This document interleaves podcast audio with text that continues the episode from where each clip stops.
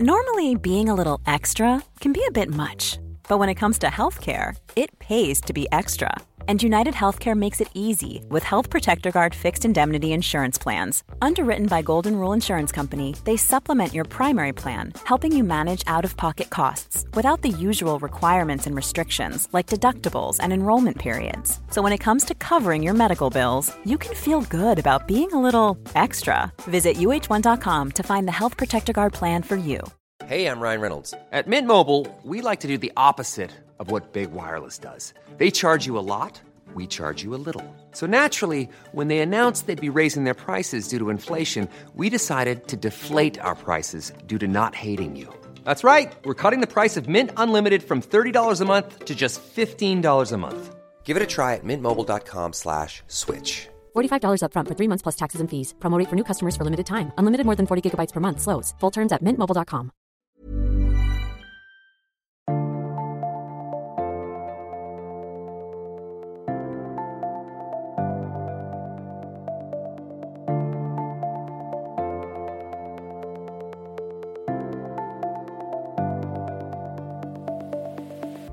Hallo! Ingefær Shot er i dine ører, og jeg håper episoden i dag gir deg en liten helseboost til uka di, og at ingefær generelt gjør deg litt lykkeligere. Gjest i dag er forfatter og psykolog Aksel Inge Sinning, og i denne shoten snakker vi om selvbilde og selvforakt, om vi kan føle for mye, og han gir oss boktips om følelser, og tipsene de finner du på saralossius.no. God lytt, god torsdag, ta vare på deg selv og de du er glad i. Ha det.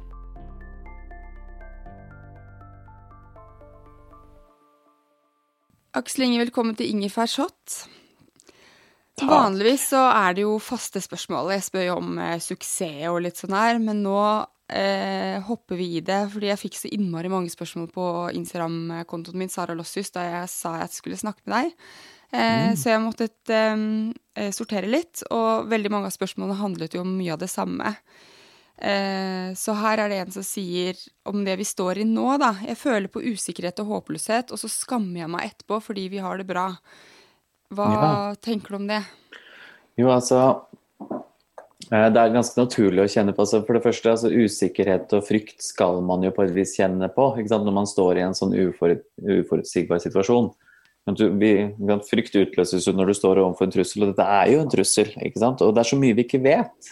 Mm. Og det er så mye utydelig og upålitelig informasjon der ute òg, for å være litt sånn ærlig på det. Så da, da skal man på en måte bli litt sånn redd. Uh, men det som ofte kan skje, sånn som denne personen skriver, er at man også kan kjenne litt sånn håpløshet. Og det er sånn Håpløshet ofte oppstår litt sånn når man føler at nå er det ikke noe sannsynlighet for at jeg får mine behov møtt. altså For at jeg finner ut at det er ikke noe sannsynlighet for at jeg blir tryggere. Så kan man resignere litt, liksom, nærmest for å spare energi til et tidspunkt der det er litt mer sannsynlig å få sine behov møtt. Og en sånn altså Jeg pleier ofte liksom å jobbe litt med håpløshet, som liksom prøver å plukke ut hva er egentlig de ulike bestanddelene i det. Hva er det egentlig Når jeg, når jeg kollapser nå i håpløshet, så vil, det ofte, så vil det veldig ofte være forskjellige følelser. Det er ofte både ting man er redd for, ting man er lei seg for, ting man kjenner på at man ikke får brukt seg selv, eller skammer seg over, osv. Så prøv å plukke ut liksom enkeltfølelser da, fra, det, fra den håpløsheten. Det er ofte litt sånn jeg går fram når jeg jobber med håpløshet. Og så sa, sa personen at hun kunne skamme seg etterpå. Og det har jo til og med fått et eget begrep, dette fenomenet som kalles for skandinavisk skyld. At vi skammer oss over at vi har det Altså når vi har det vondt fordi vi burde ha det bra fordi vi lever i Norge og Skandinavia, der vi har det så fint. Mm. Det er på en måte at sant, mange kan føle som at ja, men eh, vi har det jo så bra her, det er, mye, det er mange andre steder som er verre, så vi burde jo ikke skamme oss. Vi har jo fine hus, og vi har gode eh, vi har gode jobber og vi har penger selv om vi kanskje er permittert osv. Og, så videre, og så får vi skyldfølelse eller skamfølelse for å ha det vondt. Men så husk liksom at dine følelser er dine egne subjektive opplevelser, og de vil ikke føye seg etter en slags global fasit for hva som er riktig å føle og ikke føle. Hvis du er trist fordi du har mistet noe som er viktig for deg, så er du trist for å ha mistet noe som er viktig for deg. Det er ikke sånn at noen har mer rett til å være trist enn andre fordi de har mistet verre eller større ting. Det er litt som å si at du burde ikke være misfornøyd fordi barn sulter i Afrika. Det gjør jo ingenting med vår egen tristhet, på et vis. Mm. Så husk at følelser er subjektive, og hvis, hvis denne, så på en måte prøve å anerkjenne og møte sine egne følelser. Selv om andre kanskje har det verre, eller vi egentlig har mye vi burde være glad for. ikke sant? Men går det ikke an å kjenne på at vi kan være glad for ting og være lei seg for at vi har mistet noe? Absolutt, ikke sant. Og det er liksom Ofte så kommer det litt sånn, litt sånn når jeg møter folk, at hvis de når folk liksom kjefter litt på seg selv for at jeg skjønner ikke hvorfor jeg ikke er takknemlig og ikke glad for dette, så er det ofte fordi de ikke anerkjenner det de ikke har det så bra med. ikke sant? Så det står liksom litt i veien. Jeg syns i hvert fall det er veldig mye lettere å tillate meg selv å kjenne på at jeg er takknemlig for ting som er bra, når jeg også anerkjenner meg selv når jeg syns ting er vanskelig. Altså Positive følelser blir sterkere når negative følelser også får lov til å være der. da. Mm. Hmm. Og så eh, er det en som snakker om, eh, og det er kanskje litt for siden, men jeg tenker at det også kommer sterkere opp nå. Eh, skriver selvforakt. Jeg har forsøkt å snu om livsstilen i to år, og det har resultert i ytterligere vektøkning. Du har Ja. på en måte vært litt innpå det. Ja, vi snakket litt om det i den hovedepisoden også. Mhm. Um, selvforakt, ikke sant, altså, eller selvkritikk, da er på et vis når man retter forakt mot seg selv, og så ender opp med å skamme seg, på en måte. Mm. Så er det, på en måte det er liksom to deler av oss. Det er én del av oss som forakter oss. eh, så vi forakter oss selv, og så er det en, del, en annen del av oss som skammer seg. Ikke sant? Vi vil jo ofte identifisere oss med den delen som skammer seg. Den delen som forakter, er gjerne det vi kaller for den indre kritikeren vår, eller styggen på ryggen. Da. Um, og de fleste har jo på en måte en eller annen god grunn en eller annen gang til å begynne å kjefte på seg selv. Kanskje de har fått høre stygge ting fra andre om seg selv, eller kanskje de føler at veldig mye av deres verdi er knyttet opp mot noe. Så får denne indre kritikeren eh, bensin på bålet, og så sier den sånne ting som du er stygg, eller du er tjukk, eller du er feit, eller du er dum, eller du er svak, ikke sant? og så videre. Og så skammer vi oss. Og det som hun sa er noe som er ganske typisk, ikke sant? at liksom nå har jeg hatt selvforakt lenge, og så ender jeg bare opp med å legge på meg. ikke sant? Fordi, som vi snakket om i hovedepisoden, at liksom skam er jo veldig lite motiverende følelse. Det er veldig sjelden vi blir mer motivert av å kjefte på seg selv. Men dette vet jo folk, da. altså egentlig intuitivt. Det er ikke sånn at jeg på en måte For det blir liksom for enkelt å bare si ja, men du burde ikke kjefte på deg selv. Eh, så på en måte litt sånn jeg jobber med det, er jo egentlig å på en måte faktisk gå litt inn da, og faktisk hilse litt på min indre kritiker. og på en måte Få liksom tak i hva er det egentlig jeg sier til meg selv. på en måte, Hva er det det gjør med meg? Mm. Um, jeg holder på å skrive en bok om dette temaet, og det er egentlig et mye større tema enn det vi uh, snakker om nå. Jeg skal holde på å skrive en bok som heter 'Selvkritikk'. Et møte med din indre kritiker, som gjør akkurat det. her. Jeg tror jo at man både Altså at man må gå inn i det man kritiserer seg selv for, for å både få tilgang på omsorg og medfølelse for seg selv, og også sinne mot sin indre kritiker. Da. Akkurat som på samme måte som man må stå opp mot en mobber. Men den jobben ser jeg for meg kan være Kan ha litt tøffe tak.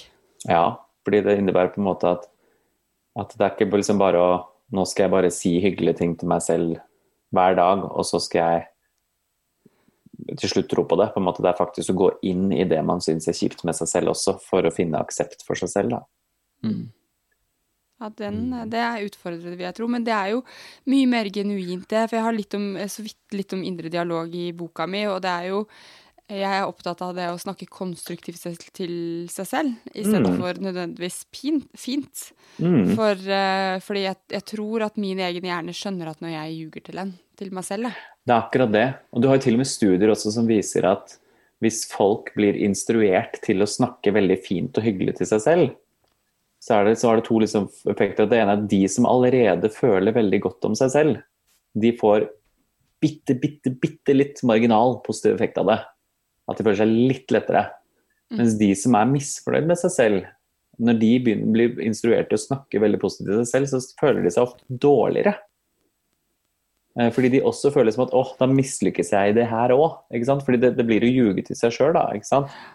Så det er på en måte det er sånn, Jeg blir litt sånn oppgitt når folk sier sånn ja, men du må tenke positivt og du må tro på deg selv og du må bare vite at du er god nok. og sånn, fordi folk vet jo det. Det er ingen i 2020 som ikke vet det er lurt å være hyggelig mot seg selv. Det, er ingen, det er liksom å si liksom, at du er bekymret for det, ja, det ville jeg ikke tenkt så mye på. Så det, funker ikke, liksom, det rådet. Så jeg er litt sånn Nei, ikke bry deg om sånn, det.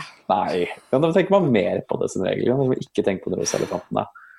Eh, så jeg liksom Folk vet at det er lurt å tenke positivt og være snill med seg selv, men det er noe som hindrer dem. ikke sant? Mm. Det er noe som gjør det vanskelig. Mm. Og de som sier at ah, nei, jeg var så Jeg, jeg, bare, jeg bare gir litt faen, jeg. Altså, de, de, liksom, må, må det, de må anerkjenne at det å gi faen i noe eller ikke bry seg noe eller tenke positivt, det er egentlig ganske komplekse emosjonelle prosesser. Da. Det er ikke bare en holdning de har bestemt seg for. Det er noe som gjør at disse menneskene klarer det. Mm, så dette Jeg er skjønner liksom, at det her blir bli sånn en, eh, fanesak for meg. Ja, altså, skjønner at det blir, det, blir en, det blir en bok på mer enn 100 sider. Å ja da, det blir det. Mm. Men det er bra. Men jeg tror du kommer tilbake for å prate om den. Eh, det er kanskje litt det samme. Tips til å adressere selvbilde, selvtillit og mestring når man er permittert og hjemme med barn. Mm. Og det gjelder sikkert for de som er permittert og ikke hjemme med barn også. Mm. Mm. Ja. Det er litt sånn forskjellige ting her. ikke sant? Altså, selvbildet er på en måte hvordan, hvordan vi ser på oss selv. ikke sant? Altså, selvtillit er eh, den følelsen vi har at vi, vi får til ting som vi setter oss fore. ikke sant? Den er ganske sånn fluktuerende. Den går liksom opp og ned ut ifra hvor mye vi får til. Så både I de periodene der vi får til mye, så har vi ofte høyere selvtillit eh, enn når vi får til dårlig. Og så er det liksom Selvfølelse er jo ganske sånn sentralt her. Og Det er på en måte den verdien vi føler at vi har til oss selv. Og da er det på en måte det å måte kunne anerkjenne eh, både de gangene vi altså Både kunne møte oss selv med aksept og anerkjennelse, både når vi får til ting og når vi mislykkes med ting. da. Eh, Mm. Møte oss selv med selvmedfølelse, som vi snakket om i den hovedepisoden. Og så Mm. jeg, vil jeg også tenke at mange har eh, godt av å gjøre et lite oppgjør med sin indre kritiker. Ja. Og, og møte seg selv kanskje med snillhet. At det er ikke så rart at du føler det sånn når du er permittert. Ikke sant. Det Da validerte det, jeg, gjorde jeg ikke det? Jo, du gjorde det. det Ja. Veldig fin eh, validering. Det er ikke rart at du ikke får gjort alt og trent sånn som du skal og spist sunt nå, når du er midt oppi sosial distansering og du må være både hjemmeskolelærer og barnehagepersonale og jobbe samtidig og skal ta vare på din egen helse. Det høres strevsomt ut. Ikke sant. Mm. Den trengte alle. Mm. Du, eh, og så syns jeg det er, det er to, eh, to spørsmål og ett bonusspørsmål. Altså, eh, kan søvn ha påvirkning på følelsene våre? Ja, eh, det kan det. Det er egentlig rart at vi ikke har nevnt. Yes, ja, det er absolutt. Eh, Det går begge veier, da, som folk typisk skjønner. At søvn, altså Følelsene våre vil påvirke søvnen vår også.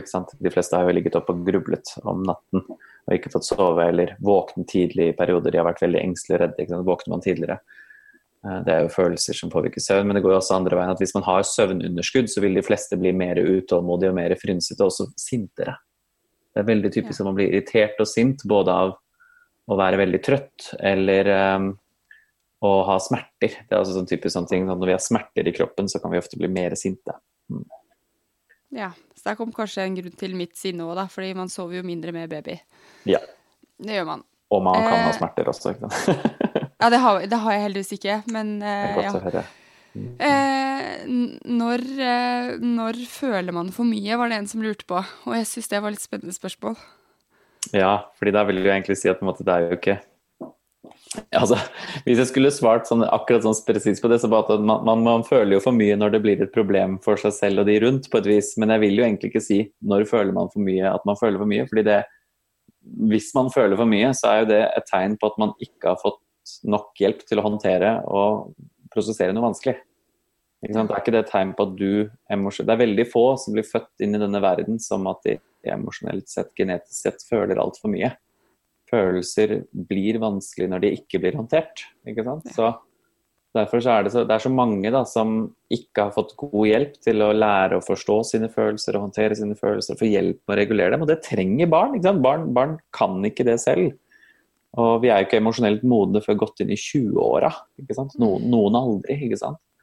Um, så på en måte, det er sånn typisk felle folk går i, da, at de kjefter på folk og kritiserer dem for å føle for mye, når det egentlig bare trenger hjelp. Altså Vi fokuserer på atferden og hvordan det ser ut, da, heller enn på hva mennesker trenger. Og da blir bare følelsene vanskeligere. Da blir det mer å forholde seg til igjen også.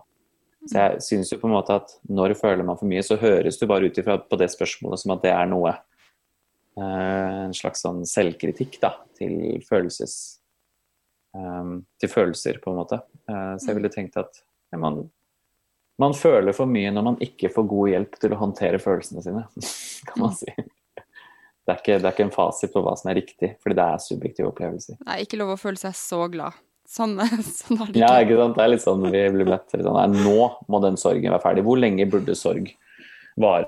Det ble spurt om på nyhetene for litt siden. Hvor lenge er det egentlig Hvor lenge er det rimelig å sørge? Til Mm. sorgen er bearbeidet. sier jeg. Men det er ofte man blir møtt med, eller som eh, Og det er sikkert litt sånn forskjell på um, alder, da, men jeg tror veldig mange i min generasjon har blitt møtt med sånn Nå er det nok, nå er du ferdig, nå, du, nå Ja. trenger du ikke være trist mer. Punktum. Vi Altså, prøver å vurdere følelser opp mot en slags sånn objektiv fasit da, for hva som er riktig å føle og ikke å føle. Det er på en måte det liksom hele oppdragelsen går ut på. at Liksom, man skal jo lære å tilpasse samfunnet hva er ok og ikke ok og sånn. Eh, Så det er på en måte det er en god tanke og intensjon bak det. og vi, vi må jo på en måte lære å regulere følelsene våre i tråd med samfunnet og lære at vi burde ikke klikke i vinkel på sjefen vår selv om de gir oss en oppgave vi ikke vil ha. Ikke? Det, det må vi liksom lære på et vis. da. Det, er jo, det er jo en god ferdighet å kunne regulere og velge å ikke handle på følelsene sine. Det vil jo være en frihet. ikke sant? At følelsen, Du skal eie følelsene dine, de skal ikke eie deg. Men når jeg møter mennesker der hvor følelser har blitt veldig veldig voldsomme og sterke, og, og litt sånn virker overdrevne for andre, så er det jo nesten alltid fordi de har fått for lite hjelp til å håndtere følelser. Det er sånn følelser blir vanskelig. Det er masse sekundærfølelser, ikke sant. Så blir de sett på som vanskelig og problematisk av andre, og så blir det mer og mer frustrasjon. Mm. Det siste spørsmålet er eh, Er det, bortsett fra Klok på følelser, andre gode bøker for å lære mer om følelser? Ja, altså Du har jo f.eks. For foreldremagi, syns jeg toucher mye bra inne på det med følelser.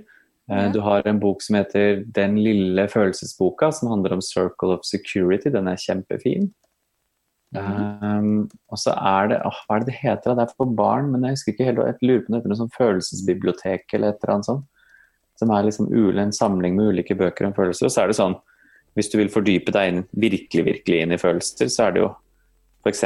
Jan Reide Stigler sin bok om emosjonsfokusert terapi, da, som er spennende og på en måte går an å lese for de fleste. Um, Og så har jeg lest en kjempespennende bok nå, som er, men som er veldig tung da, for mange, vil jeg tro, men som jeg syns var helt fantastisk, som heter 'Shame and Pride'. Av en som heter Donald Nathanson. Uh, som han handler om alle disse følelsene og affektene. og går gjennom. Den handler ikke bare om skam. Den handler om alle de andre følelsene også, men den fokuserer på skam. Så det er kjempefint. Eh, Så det er masse å fordype seg i. Så kommer det en bok til om selvkritikk i 2021, da. 2021. Mm. Ja, men det blir bra. Tusen eh, takk for at du vil være med på shotten også. Takk for at jeg fikk komme.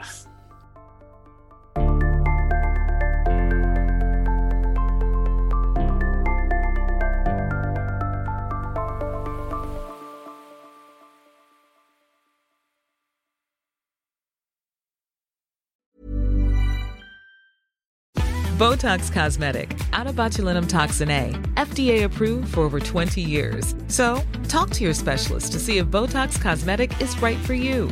For full prescribing information, including boxed warning, visit BotoxCosmetic.com or call 877-351-0300. Remember to ask for Botox Cosmetic by name. To see for yourself and learn more, visit BotoxCosmetic.com. That's BotoxCosmetic.com.